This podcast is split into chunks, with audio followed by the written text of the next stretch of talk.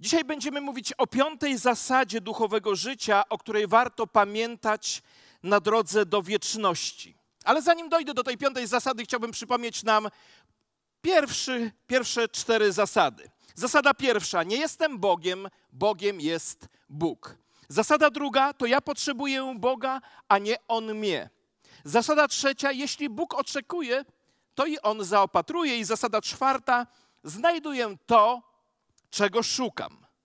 Każda z tych zasad dotyczy naszej relacji z Bogiem, a poznanie tych zasad powinno nas doprowadzić do właściwej reakcji, czyli inaczej mówiąc, każda z tych zasad powinna nas doprowadzić do prawdziwej, do właściwej odpowiedzi na, na te zasady.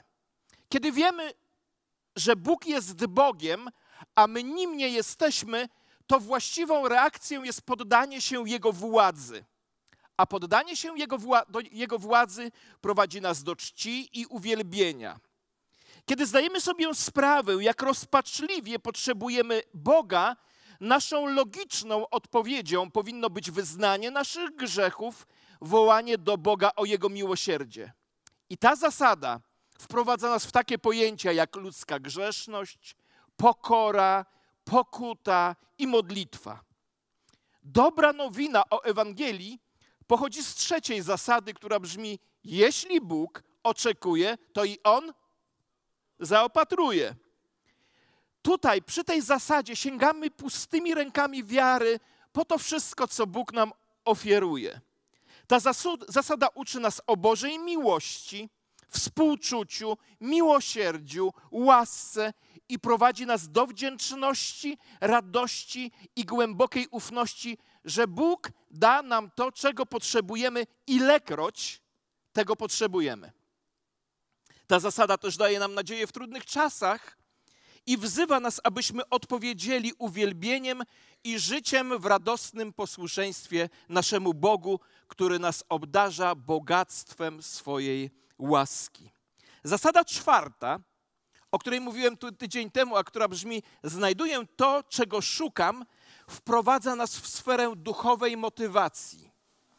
Ta zasada zmywa nasze marne wytłumaczenia i wzywa nas do szukania Królestwa Bożego ponad wszystko inne.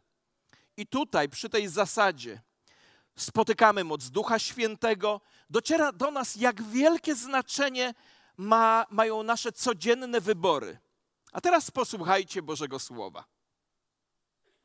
Bez wiary zaś nie można podobać się Bogu. I tu pojawia się piąta zasada, o której trzeba pamiętać w drodze do wieczności. Ta zasada brzmi: czynna wiara Bożą moc wyzwala. Ja zawsze lubiłem rymowanki. Prosta zasada: czynna wiara Bożą moc wyzwala. W każdej religii wiara jest bardzo znaczącym terminem. Czasami ten termin wiara odnosi, odnosi, się do całego systemu religijnego. Mówimy o chrześcijańskiej wiarze, wierze, mówimy o wierze muzułmańskiej, żydowskiej, judaizmu i tak. W innych kontekstach termin wiara odnosi się do doktryny. Stąd czytamy zachowaj wiarę, czyli zachowaj jakąś doktrynę. Ale posłuchajcie tego uważnie. Przede wszystkim, przede wszystkim ten, ten termin wiara odnosi się do naszej odpowiedzi na to, że Bóg jest i jakim On jest. Przede wszystkim termin wiara odnosi się do naszej reakcji na, i naszej osobistej odpowiedzi na to, że Bóg jest i jakim On jest. Wiara, o, którym mówi, o której mówi piąta zasada, nie odnosi się absolutnie do doktryny, lecz do naszego codziennego zaufania Bogu. Kiedy nasza wiara jest aktywna, a nie pasywna, wówczas uwalnia moc Bożą w nas i moc Bożą przez nas. Jeszcze raz. Kiedy nasza wiara jest aktywna, a nie pasywna, uwalnia Bożą moc w nas i Bożą moc poprzez nas. Z listu do Hebrajczyków z 11 rozdziału, z 6 wiersza wiemy to, co już czytałem, że bez wiary nie można podobać się Bogu. Nie ma znaczenia, jak bardzo jesteś religijny, bo jeśli nie masz wiary, nie możesz podobać się Bogu. Wiecie, to stwierdzenie może być zaskakujące i bolesne, zwłaszcza dla tych, którzy ufają, że ich religijność, że pewne czynności religijne wykonywane doprowadzą ich do nieba. Kochani, Bóg patrzy na nasze serca, a to, czego szuka, to, czego szuka, to jest wiara czynna w miłości, a nie puste wypełnianie religijnych zasad czy jakichś religijnych rytuałów. Posłuchaj uważnie. Możesz być ochrzczony, możesz chodzić do kościoła, dawać pieniądze, chodzić do szkoły niedzielnej, czytać Biblię, pościć trzy razy w tygodniu, śpiewać w uwielbieniu, a nawet być misjonarzem. Ale jeśli nie masz wiary, która jest czynna w miłości, nie podobasz się Bogu. Nie spodobasz się Bogu. Wiara, prawdziwa wiara, która pochodzi z serca, jest dla Boga ważniejsza od tego, co mówimy i ważniejsza od tego, co robimy. Wszystko jest i dzieje się przez wiarę. I posłuchajcie uważnie tego kluczowego zdania. Ono jest niezwykle ważne. Wiara nigdy nie miała być i nie ma być jednorazowym doświadczeniem. To prawda, że Chrystusa i zbawienie do swojego życia przyjmujemy wiarą podczas jednorazowego aktu. Ale po tym akcie reszta życia nie należy już do nas. Dlatego w Piśmie Świętym czytamy takie bardzo mocne zdanie. Posłuchajcie. Jak przyjęliście Jezusa Chrystusa, tak też w nim chodźcie. Jak przyjmujemy do naszego Jezu życia Jezusa Chrystusa? Przyjmujemy wiarą. Więc jak przyjęliśmy wiarą Jezusa Chrystusa, tak też mamy w nim chodzić. Czyli jeśli go przyjęliśmy wiarą, to mamy w, ni w nim chodzić wierze. Dziękuję bardzo, że czuwacie. Inaczej mówiąc, ta sama wiara, która nas zbawia, jest wiarą, która niesie nas z dnia na dzień, gdy podróżujemy z ziemi do nieba. Dlatego Biblia mówi: sprawiedliwy będzie żył z wiary. Usprawiedliwiony przez Boga będzie żył z wiary. Całe chrześcijańskie życie jest życiem z wiary. Jesteśmy zbawieni przez wiarę, utrzymywani przez wiarę, kroczymy przez wiarę, radujemy się wiarą, służymy wiarą, miłujemy przez wiarę, ofiarujemy wiarą, modlimy się przez wiarę, wielbimy przez wiarę i jesteśmy posłuszni przez wiarę. Wszystko, co robimy, robimy przez wiarę. Dlatego musimy odpowiedzieć sobie na pytanie, czym jest wiara i jak wiara działa. Przez chwilę o tym porozmawiamy. Czym jest wiara i jak wiara działa? W całej Biblii nie ma jaśniejszej wypowiedzi na temat wiary niż jedenasty rozdział listu do Hebrajczyków, a ja bardzo lubię list do Hebrajczyków. W tym liście mamy długą li y, w, tym, w tym liście mamy długą listę. W tym liście mamy długą listę bohaterów Starego Testamentu i większość z nich została opisana z wyrażeniem przez wiarę. Posłuchajcie. Przez wiarę Abel, Enoch, Noe. Przez wiarę Abraham, Izaak, Jakub. Przez wiarę Józef, rodzice Mojżesza, Mojżesz. Przez wiarę Lud. Przez wiarę upadły mu Jericha. Przez wiarę Rahab, prostytutka. I nie ma nawet czasu, posłuchajcie dalej, ten list mówi, i nawet nie ma czasu, by wspomnieć o indywidualnych wyczynach Gedeona, Baraka, Samsona, Jeftego, Dawida, Samuela i proroków. Oni i wszyscy inni bohaterowie wiary są opisani w następujący sposób. Posłuchajcie uważnie, jak ci bohaterowie zostali opisani. Przez wiarę pokonali królestwa. Przez wiarę czynili sprawiedliwość. Przez wiarę dostąpili spełnienia obietnic, przez wiarę zamknęli paszczę lwom, zgasili moc ognia, uniknęli ostrza miecza, umocnieni powstali z niemocy, przez wiarę stali się dzielni na wojnie, zmusili do ucieczki obce wojska i przez wiarę kobiety odzyskały swoich zmarłych przez wskrzeszenie. Uuu, ale mocny tekst, nie? Jesteście? Mnie on pobudza. To jest wspaniała lista. I wszyscy możemy być poruszeni tymi doświadczeniami wielkich bo, biblijnych bohaterów wiary, który, którzy zrobili wyżej wymienione w tym fragmencie rzeczy. Ale posłuchajcie, to jest tylko część historii.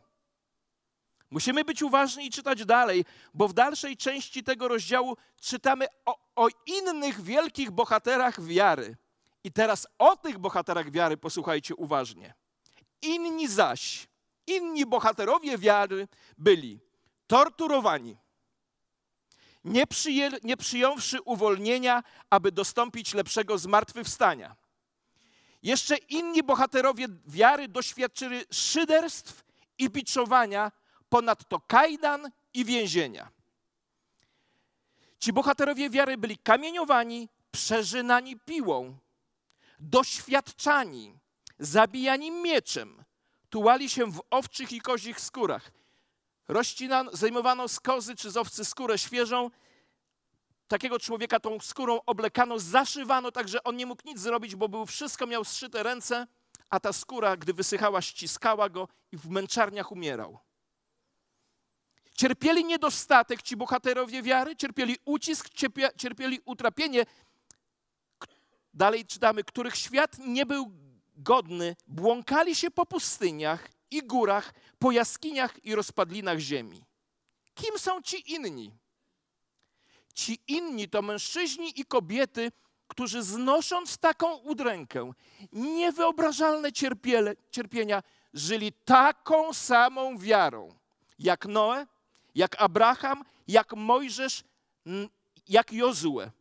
Ich wiara wcale nie była słabsza, a może nawet ich wiara była silniejsza, ponieważ pozwalała im znosić niewiarygodne cierpienie. Oni nie są mniejszymi świętymi, ponieważ nie widzieli cudów. Jeśli w ogóle można tak powiedzieć, chociaż nie powinno się tak mówić, to są większymi świętymi, ponieważ byli wierni, nawet jeśli coś nie działo się dobrze. Obie te grupy, jak mówi list do Hebrajczyków w 11 rozdziale, w 39 wierszu, ci wszyscy zyskali chlubne świadectwo dzięki wierze. Wszyscy opisani w tym fragmencie bohaterzy wiary żyli na przestrzeni kilkusetek lat. Lecz mimo czasami długiej odległości czasowej między nimi, łączy, łączą ich trzy podstawowe rzeczy. Posłuchajcie, jakie rzeczy łączą tych wszystkich bohaterów wiary. Po pierwsze, to, co zrobili, zrobili przez wiarę i dlatego zdobyli uznanie Boga. Po drugie, ich życie wiarą często oznaczało poruszanie się pod prąd dominującej fali opinii publicznej. Noe zbudował arkę. Abraham opuścił Ur. Mojżesz odrzucił Egipt, a Jozue pomaszerował wokół Jericha. I ta sama zasada obowiązuje dzisiaj. Jeśli zdecydujesz się żyć wiarą, to na pewno wyróżnisz się z tłumu i możesz spotkać się tak jak oni z opozycją i drwinami. I po trzecie, życie z wiary, posłuchajcie tego uważnie. Życie z wiary nie dotyczy tylko i wyłącznie szczególnych wybrańców. Opisani w tym fragmencie ludzie to zwyczajni mężczyźni i kobiety, którzy robili niezwyczajne rzeczy tylko dlatego, że mieli wiarę w Boga. Oni są zrobieni z tego samego materiału, co ty i ja. Życie z wiary jest w zasięgu każdego wierzącego. Jeśli pragniemy tego, to możemy tak żyć. List do Hebrajczyków, 11 rozdział, pierwszy wiersz podaje nam bardzo zwięzłą definicję wiary. Posłuchajcie. Wiara jest podstawą tego, czego się spodziewamy i dowodem tego, dowodem tego, czego nie widzimy. Wiara to pewność, że pewnego dnia spełnią się nasze nadzieje. A słowo dowód zamieszczony w tym tekście odnosi się do dowodu prawnego w sali sądowej. Wiara jest dowodem dla Twojej duszy, która pozwala nam dostrzec rzeczy, których nie można zobaczyć gołym okiem. Jeszcze raz. Wiara jest dowodem dla Twojej duszy, która pozwala nam dostrzec rzeczy, których nie można zobaczyć gołym okiem. Przez wiarę widzimy to, co inaczej byłoby niewidzialne.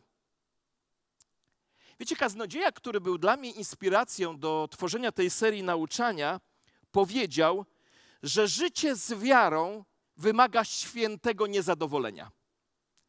Bardzo mi się podoba ten termin święte niezadowolenie.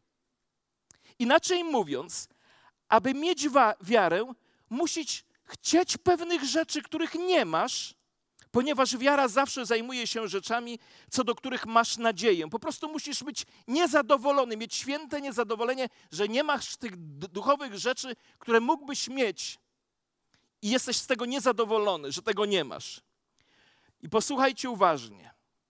Jeśli już masz wszystko, czego potrzebujesz, czego chcesz i czego pragniesz, jeśli, ciebie, jeśli dla ciebie wszystkie Boże obietnice już się spełniły i jeśli osiągnąłeś stan duchowej doskonałości, jeśli już wszystkie Twoje modlitwy zostały wysłuchane i jeśli wszyscy Twoi bliscy są już zbawieni i służą Panu, jeśli nigdzie, w żadnym miejscu niczego Ci nie brakuje, to chcę Ci powiedzieć, nie potrzebujesz wiary. A to z tego powodu, że już jesteś w niebie, tylko o tym nie wiesz. Jeśli jesteś zadowolony z obecnego stanu rzeczy, możesz całkowicie pominąć to kazanie, ponieważ nie dotyczy ono ciebie. A to dlatego, że wiara jest powiązana ze świętym niezadowoleniem. Czym zatem jest wiara? Pomyślcie o trzech słowach. Wierzysz, wierzyć, widzieć, robić. Wierzyć, widzieć, robić. Wiara wierzy w to, w co nie wierzą inni. Wiara widzi to, czego inni nie widzą. I wiara robi to, czego inni nie robią. Prawdziwa wiara nigdy nie jest pasywna. Prawdziwa wiara skłania nas do działania. Stąd też czytamy w Biblii, że wiara jest czynna w miłości. Skłania nas do działania, do czynienia, próbowania, budowania, rozszerzania, mówienia nie grzechowi, a tak prawości, wypowiadania się we właściwy sposób, poruszania się, odważania się do marzeń przekraczających nasze możliwości i chodzenia wokół Jericha raz, raz za razem, aż w końcu te mury, które powinny upaść w naszym życiu, upadną. Wiecie, pewien człowiek, też mi się to strasznie podoba, zdefiniował wiarę jako skandaliczne zaufanie Bogu. Bardzo mi się to podoba. Skandaliczne zaufanie Bogu. Skandaliczne zaufanie jest tym, co masz, gdy budujesz arkę, a nigdy w życiu nie widziałeś zbiornika wodnego. Skandaliczne zaufanie zmusza cię do opuszczenia domu, nie wiedząc dokąd zmierzasz, tak jak to zrobił Abraham. Skandaliczne zaufanie wysyła cię do doliny Elach, aby stawić czoła wielkiemu Goliatowi. Kto z was, bądźmy szczerzy, powiedzcie mi, kto z was kiedyś był w takiej sytuacji, kiedy potrzebował skandalicznego zaufania Bogu? Kto z was był?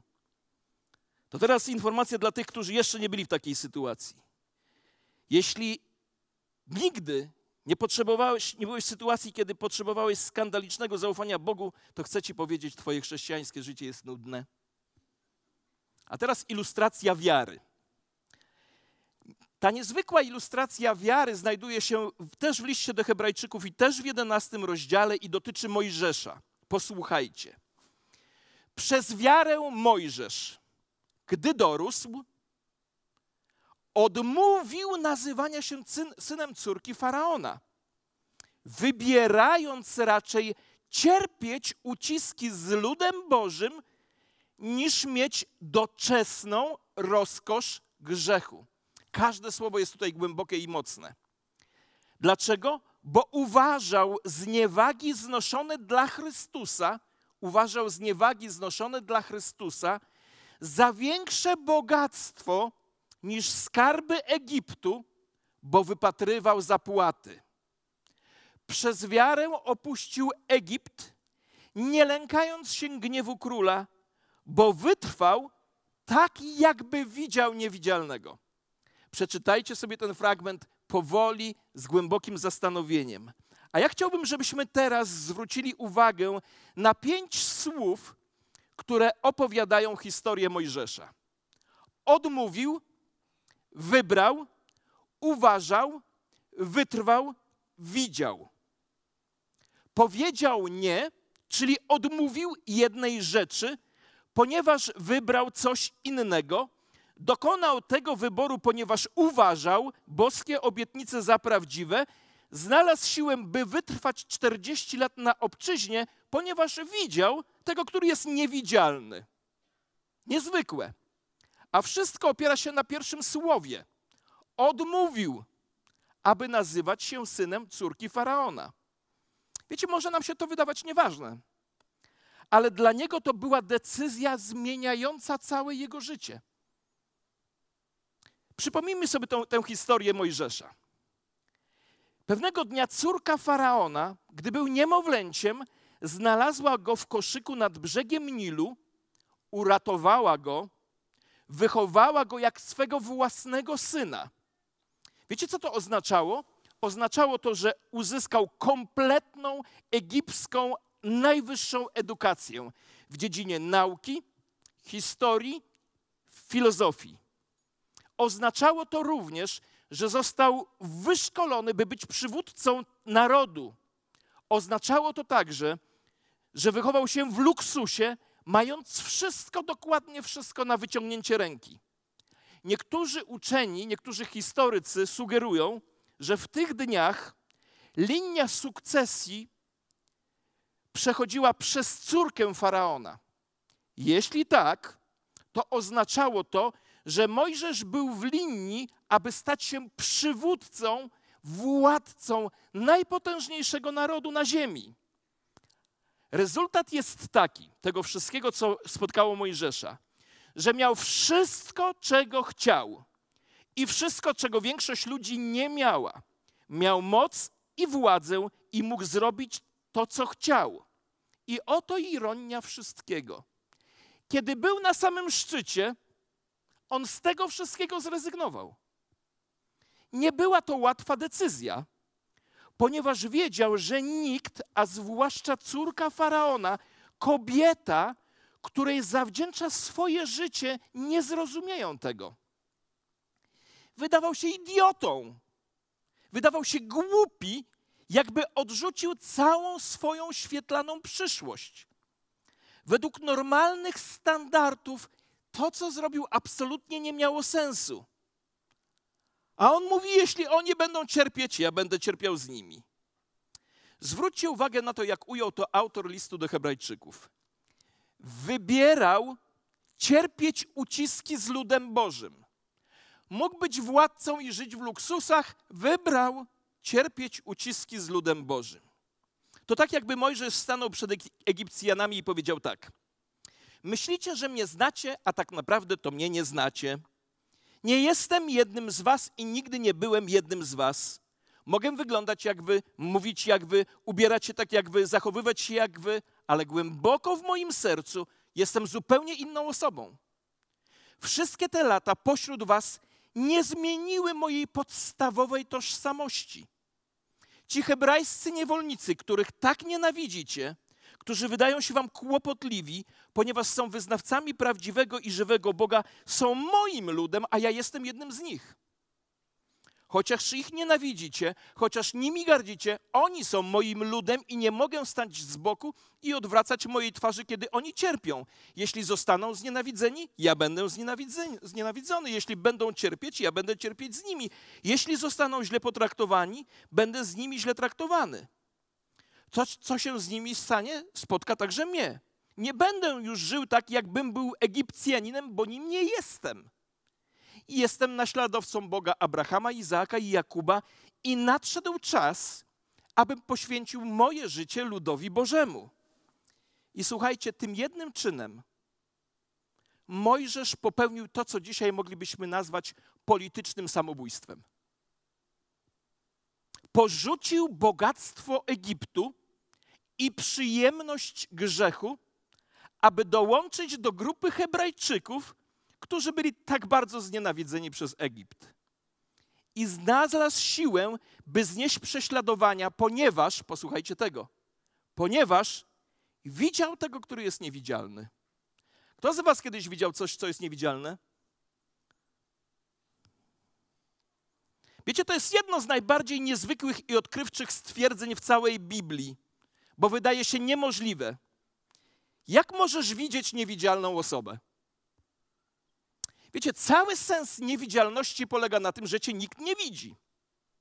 Bóg był niewidzialny, a jednak Mojżesz widział go. Wiecie, w jaki sposób go widział? Dwa słowa opisują w jaki sposób. Posłuchajcie, jakie słowa. Przez wiarę. Mojżesz miał wiarę, a wiara dała mu wzrok. I ujrzał Boga, który jest niewidzialny. Egipcjanie nie widzieli, ale Mojżesz widział. Tak może uczynić tylko wiara. Wiara może dać ci widzenie poza tym światem. Co dokładnie widział Mojżesz? Tekst mówi, że patrzył przed siebie na swoją nagrodę. Pozwólcie, że wyjaśnię nam i sobie też w ten sposób. Skoncentrujcie się, to jest niezwykle ważne. Mojżesz wiedział, bądźcie skoncentrowani, że istnieją dwa światy i mógł wybrać życie według wartości jednego z tych światów. Wiedział, że są dwa światy i że może wy wybrać życie według wartości jednego z nich. Był świat, który mógł Mojżesz zobaczyć. To był świat Egiptu, świat zmysłów, świat pieniędzy, świat mocy, świat władzy, świat seksu, świat przyjemności, świat sławy, świat samozadowolenia i świat siły. To był świat, w którym faraon rządził jak król, absolutny władca, a Mojżesz był w kolejce do tej pozycji. O ile Egipcjanie wiedzieli, to był to dla nich jedyny świat, jaki istniał. A ich bogowie, tak zwani, których oni czcili, oni byli jedynie przedłużeniem ich własnych wypaczonych wartości. Ale był i jest inny świat. To jest niewidzialny świat ducha, świat królestwa Boga, świat Pana, królestwa Pana Jezusa Chrystusa, świat aniołów i świętych to świat rządzony przez prawość i łaskę. Przez prawość i łaskę. Jeszcze raz powiedzieć, że przez prawość i łaskę. Ci, którzy żyją dla tego ziemskiego świata, otrzymają nagrodę, którą ten świat oferuje. Będą żyć 40, 50, 60, 70, 80, a niektórzy nawet 90 lat i będą mieli tyle sławy, tyle bogactwa, tyle mocy, ile mogą tylko zgromadzić. Ich nagroda z tego świata będzie na tym świecie. A kiedy umrą? Wszystko, za co i dlaczego żyli, umrze razem z nimi. Zostaną pochowani w pudle, w ziemi i nie będą mieli nic konkretnego do pokazania ale ci, którzy żyją w tym ziemskim świecie, według standardów wiecznego świata, w tym wiecznym świecie, ale według standardów tego wiecznego świata, standardów Królestwa Bożego, mają zupełnie inne doświadczenie. Podobnie jak Mojżesz, mogą ucierpieć na krótką metę, ale kiedy umrą, to impreza dopiero się zaczyna i trwa wiecznie. Niesamowity rozwój. Oni wchodzą w radość Pana i szczerze mówiąc, ci, którzy żyją w tym świecie dzięki wartościom następnego świata, będą mieli głębszą radość, większą satysfakcję, nawet gdy zostaną odrzuceni i wyśmiani przez tych, którzy są tu i teraz wokół nich. Raz jeszcze. Ci, którzy żyją w tym świecie dzięki wartościom następnego świata, będą mieli głębszą radość, większą satysfakcję, nawet gdy teraz zostaną odrzuceni i wyśmiani przez tych, którzy są tu i teraz wokół nich. W jakiś sposób Mojżesz to wszystko widział. Uznał, że nie warto było żyć dla Egiptu. Rozkosze grzechu nie dorównywały radości służenia Panu Bogu, nawet jeśli to oznaczało tymczasowe cierpienie i maszerowanie z garstką narzekających Żydów przez 40 lat po pustyni. To po prostu nie miało znaczenia. Dla niego był tylko jeden wybór. Będę cierpiał z ludem Bożym, kropka, koniec. Urywam dyskusję. Jeśli ludowi egipskiemu się to nie spodobało, albo nie rozumieli tego, niech tak będzie. Posłuchajcie, on mógł być faraonem. Gdyby pozostał w Egipcie, to najprawdopodobniej my byśmy w ogóle o nim nigdy nie usłyszeli, a kazanie musiałby mówić o kimś innym. Pytanie więc do mnie i do ciebie brzmi: w jakim świecie chcesz się wyróżnić? W jakim świecie chcesz się wyróżnić? Jeśli chcesz zrobić to w Egipcie, powodzenia. Otrzymasz nagrodę, będziesz szczęśliwy, kiedy ją zdobędziesz, jeśli ją zdobędziesz. Ale jeśli chcesz żyć dla następnego świata, to możesz w międzyczasie ponieść ogromne koszty. Powróćmy do tego stwierdzenia, że Mojżesz widział tego, który jest niewidzialny. Wiecie, wiara widzi to, co naprawdę jest, nawet jeśli inni nie widzą. Nic nie widzą. Wiara wierzy w to, co jest prawdą, mimo że inni w ogóle jej, tej prawdzie nie wierzą. Przez wiarę widzimy rzeczywistość, co oznacza, że widzimy także poza otaczającym nas światem. Wiecie, jedna z moich ulubionych historii z Biblii, ze Starego Testamentu, to jest taka historia, jak obce wojska, przeciwne ludowi Bożemu, otoczyło w tłumie, tam ich było setki tysięcy, otoczyły Izraelitów. Wiadomo było, że z ludzkiego punktu widzenia za chwilę będzie koszmar. Izraelici zostaną wytępieni. I był prorok, który miał takiego asystenta, Krzysia. I ten Krzyś się martwił. Mówi, no nie, no następnego dnia już nie ma nas. A prorok mówi, Panie Boże, weź mu otwórz temu Krzysiowi oczy, żeby widział to, co ja widzę. I Bóg mu otworzył oczy. I wiecie, co zobaczył? Ogromną armię aniołów wokół nich. Ponieważ prorok widział rzeczywistość duchową, której Krzyś nie widział. Ale Bóg otworzył mu na szczęście oczy, bo wiara widzi to, co naprawdę jest, nawet jeśli inni nie widzą. Wiara wierzy w to, co jest prawdą, mimo że inni w ogóle w niej nie wierzą. Przez wiarę widzimy rzeczywistość, co oznacza, że widzimy poza otaczającym nas światem. I ta koncepcja nie powinna nas dziwić. Kto z Was zna piosenkę, pieśń, piosenkę Cudowna Boże łaska? Większość z nas. A wiecie, jakie tam są słowa? Byłem ślepy, a teraz widzę. Przez wiarę widzimy to, czego inni nie widzą. Wiara, potężna wiara, widzi obietnicę i patrzy tylko na Boga i śmieje się z niemożności. I wiara woła: To się stanie. A teraz już ostatni punkt.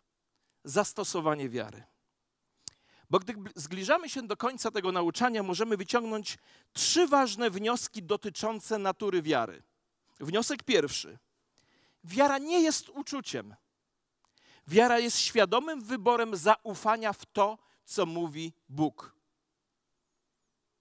Wiecie, nigdy, posłuchajcie uważnie, nigdy nie będziemy się rozwijać w życiu duchowym, dopóki pozostaniemy na płaszczyźnie naszych uczuć.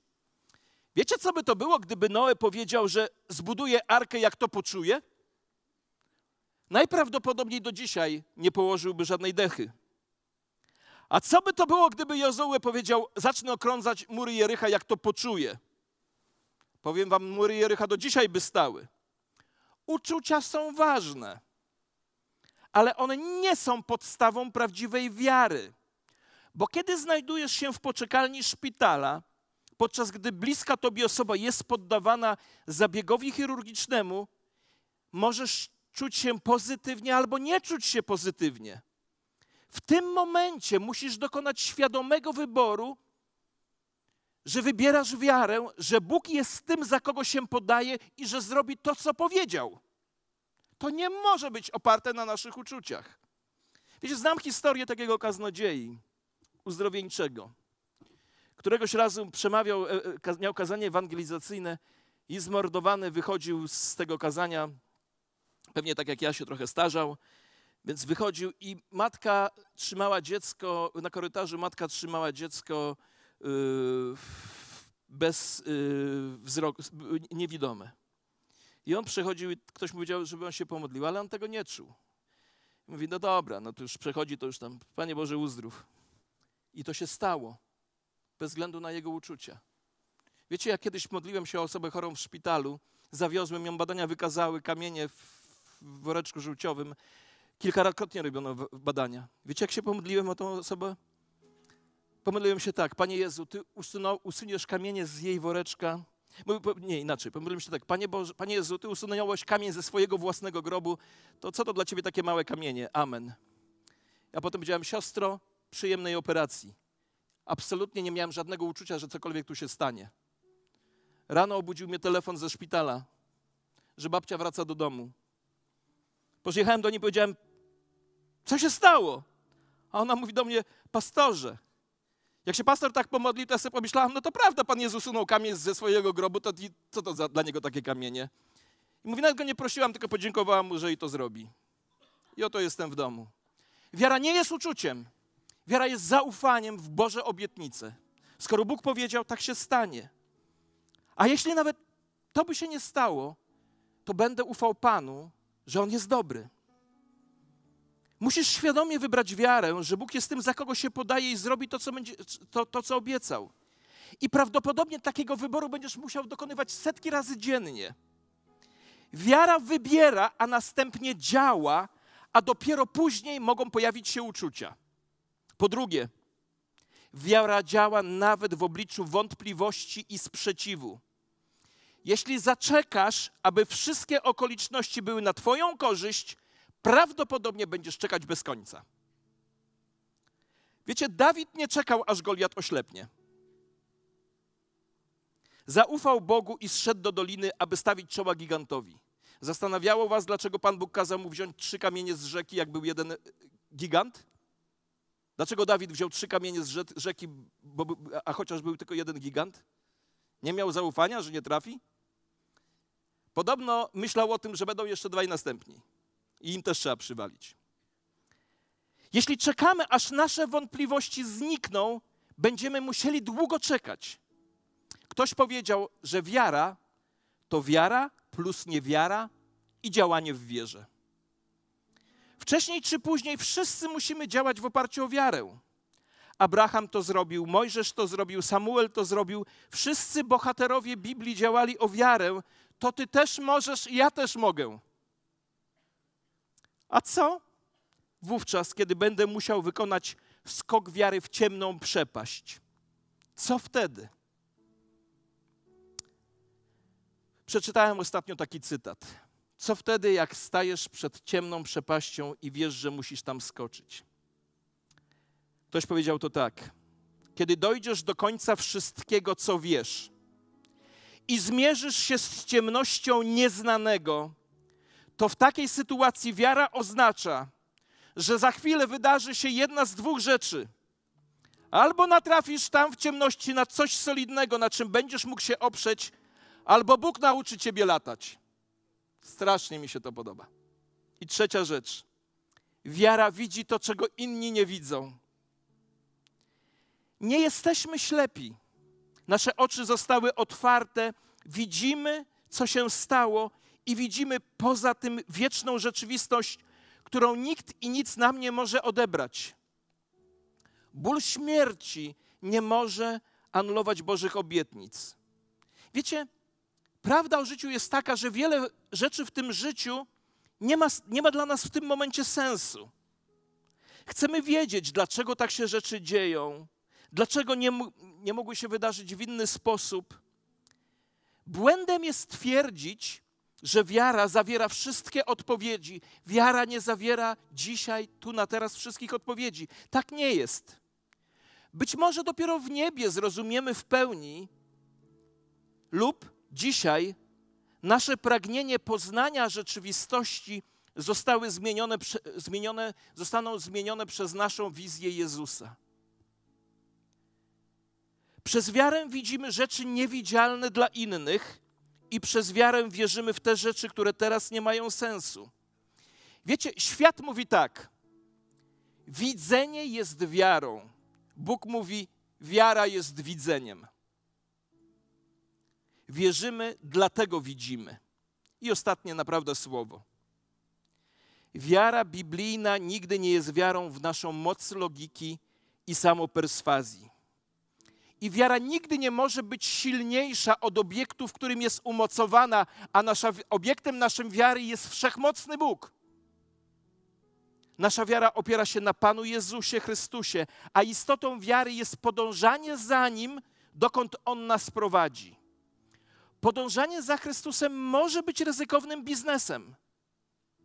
Możecie się zastanawiać, czy wszystko pójdzie dobrze, jeśli pójdziecie za Jezusem. Ale to wszystko zależy od tego, z jakiej perspektywy patrzysz. Wiecie, możemy wyciągnąć na koniec trzy wnioski. Ludzie, którzy żyją wiarą, zniosą wielkie próby i zobaczą wielkie zwycięstwa. Ludzie, którzy żyją wiarą, będą niezrozumieni przez świat. I po trzecie, ludzie, którzy żyją wiarą, będą zadowoleni, że zrobili to, co zrobili. Naszym wezwaniem nie jest zrozumieć wszystko, ale iść za Chrystusem dokądkolwiek On nas prowadzi, bez względu na to, ile to będzie nas kosztowało. A słowo Chrystusa dla nas wszystkich jest zawsze takie samo. Pójdź za mną. To jest słowo dla nas. Wypróbuj mnie, mówi Chrystus. Przyjdź więc do Niego. Oddaj Jemu swoje życie. Wejdź na Jego drogę, a On zaprowadzi Cię tam, gdzie powinieneś być. Po prostu idź tą drogą każdego dnia i nie bój się iść za Jezusem, bo nigdy nie będziesz żałować tego, że rozpocząłeś z Nim drogę. Będziesz tylko żałować to, że tak długo na to czekałeś. Dlatego pytanie brzmi, czy jesteś gotowy pójść za Jezusem dokądkolwiek On Ciebie chce zaprowadzić? Ale możesz zapytać, co wtedy? Myślę, że wielu z nas pyta. Co wtedy, jeśli Jezus poprosi mnie, abym zrobił coś, czego nie mogę zrobić? Wiecie, jaka jest odpowiedź? Mówiliśmy o tej zasadzie. Jeśli Jezus prosi cię o, o to, byś zrobił to, czego nie możesz zrobić, to On zrobi to za ciebie. Bo gdyby poprosił cię o zrobienie czegoś, co mógłbyś zrobić, to byś jego nie potrzebował. Mogę ci obiecać, że jeśli zdecydujesz się pójść za Jezusem, to On na pewno cię poprosi o zrobienie niemożliwego, a wtedy pomoże ci to zrobić. Naszym zadaniem jest po prostu zrobić kolejny krok. Kolejny krok, który Bóg przed nami stawia. Nie musimy widzieć całego planu. Nie musimy widzieć kolejnych dziesięciu kroków, bo wiara polega na zrobieniu kolejnego kroku i pozostawienia reszty w ręku Boga. Pamiętacie, gdy arka doszła do rzeki Jordan? Bóg powiedział, że rzeka się rozstąpi. Oni nie stali i nie czekali, żeby ona się rozstąpiła. Wdepnęli w rzekę i wtedy się rozstąpiła. Wiara jest prawem królestwa, a czynna wiara uwalnia moc Boga. Każde błogosławieństwo królestwa jest do, dostępne dla tych, którzy pracują z wiarą z dnia na dzień, krok po kroku, krok po kroku. Posłuchajcie raz jeszcze. Przez wiarę Noe, przez wiarę Abraham, przez wiarę Mojżesz, a ja się zastanawiam, czy mógłbym dzisiaj powiedzieć przez wiarę Krzysztof, przez wiarę Mariola, przez wiarę Mira, Grzegorz, przez wiarę. Czy mógłbyś powiedzieć tak o sobie? Bóg będzie stawał przed nami różne wyzwania. Będzie stawiał przed nami różne okoliczności i będzie zapowiadał przez swoje słowo, co mamy zrobić. A od nas będzie zależało, czy wykonamy krok wiary. A jeśli go zrobimy, zobaczymy niezwykłe rzeczy. Mały chłopak zrobił krok wiary i oddał rybę i chleb. któremu mamusia mu przygotowała na drugie śniadanie. I widział kilka tysięcy ludzi nakarmionych. Niezwykłe, prawda? Piotr usłyszał: idź zarzuć wędkę i złów rybę, a tam coś w niej znajdziesz. Zrobił te, ten krok wiary. W rybce był pieniążek. Chciałoby się, nie? Cały lud Izraela doszedł do Morza Czerwonego za plecami Egipt i zrobili krok, i morze się rozstąpiło. Mojżesz podniósł laskę. Takim jest nasz Bóg. A nasze życie z Bogiem jest życiem przez wiarę.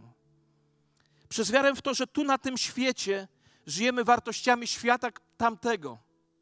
Nie wszyscy muszą nas rozumieć, ale my widzimy, bo wierzymy. Myślę, że to słowo jest do wielu z nas, bo dzisiaj staję w takich miejscach. Niektórzy z nas dzisiaj stają przed rzeką i muszą włożyć do niej nogę. Niektórzy z nas muszą pójść, zarzucić wędkę, bo tam coś będzie, co Bóg ma dla nas. Wiecie, co odkryłem? Kiedyś o tym nauczałem, że w wierze pierwsze, pierwszy krok należy do nas. A wiecie, dlaczego pierwszy krok należy do nas? Bo Bóg już dawno wszystko zrobił. Widzieliście kiedyś grę w szachy tak z zegarem? Bóg już wykonał ruch i walnął w zegar. Wszystko zrobione z mojej strony. A teraz następny ruch do kogo należy? Do nas. Ponieważ Bóg wszystko zrobił, następny ruch jest dla ciebie. A jak go zrobisz, doświadczysz cudu. Pochylmy nasze głowy w modlitwie. Chcę się pomodlić o tych z Was, którzy wiedzą, że to słowo jest dla Was. Podnieście rękę. Nie będę robił dzisiaj wezwania tu do przodu. Podnieście, więc możecie śmiało podnieść ręce. Panie Boże, dziękuję Ci, że wzywasz nas do czegoś wielkiego, do chodzenia w wierze. Wzywasz nas do robienia kroków wiary. I oferujesz nam zobaczenie tego, co niewidzialne oczami wiary. Panie, wielu z nas dzisiaj stoi przed takimi decyzjami. Proszę Cię, pozwól nam zaufać Tobie. Ponieważ Ty wykonałeś największy ruch, powierzyłeś swojego Syna Jezusa Chrystusa za nas. Zesłałeś swojego Ducha Świętego dla nas. Z Twojej strony wszystko zrobione. Panie, chcemy stawiać nasze stopy tam, gdzie Ty chcesz, abyśmy je postawili, by zobaczyć te rzeczy, które nam obiecałeś. I choć będzie to wśród prześladowań, wśród bólu, łez, niezrozumienia pewnych rzeczy, to chcemy jednak ufać Tobie. I tak jak Mojżesz, odrzucić grzech i te przejściowe rozkosze, bo wierzymy, że tam w niebie czeka na nas nagroda. Dziękujemy Tobie, Panie. Amen. Powstańmy, proszę. Zaśpiewamy pieśń i po tej piosence będziemy mieć spotkanie informacyjne, dlatego nie wychodźcie, bo ono będzie krótkie. Nie wychodźcie, więc zostańcie, bo chcemy podzielić się też ważnymi rzeczami.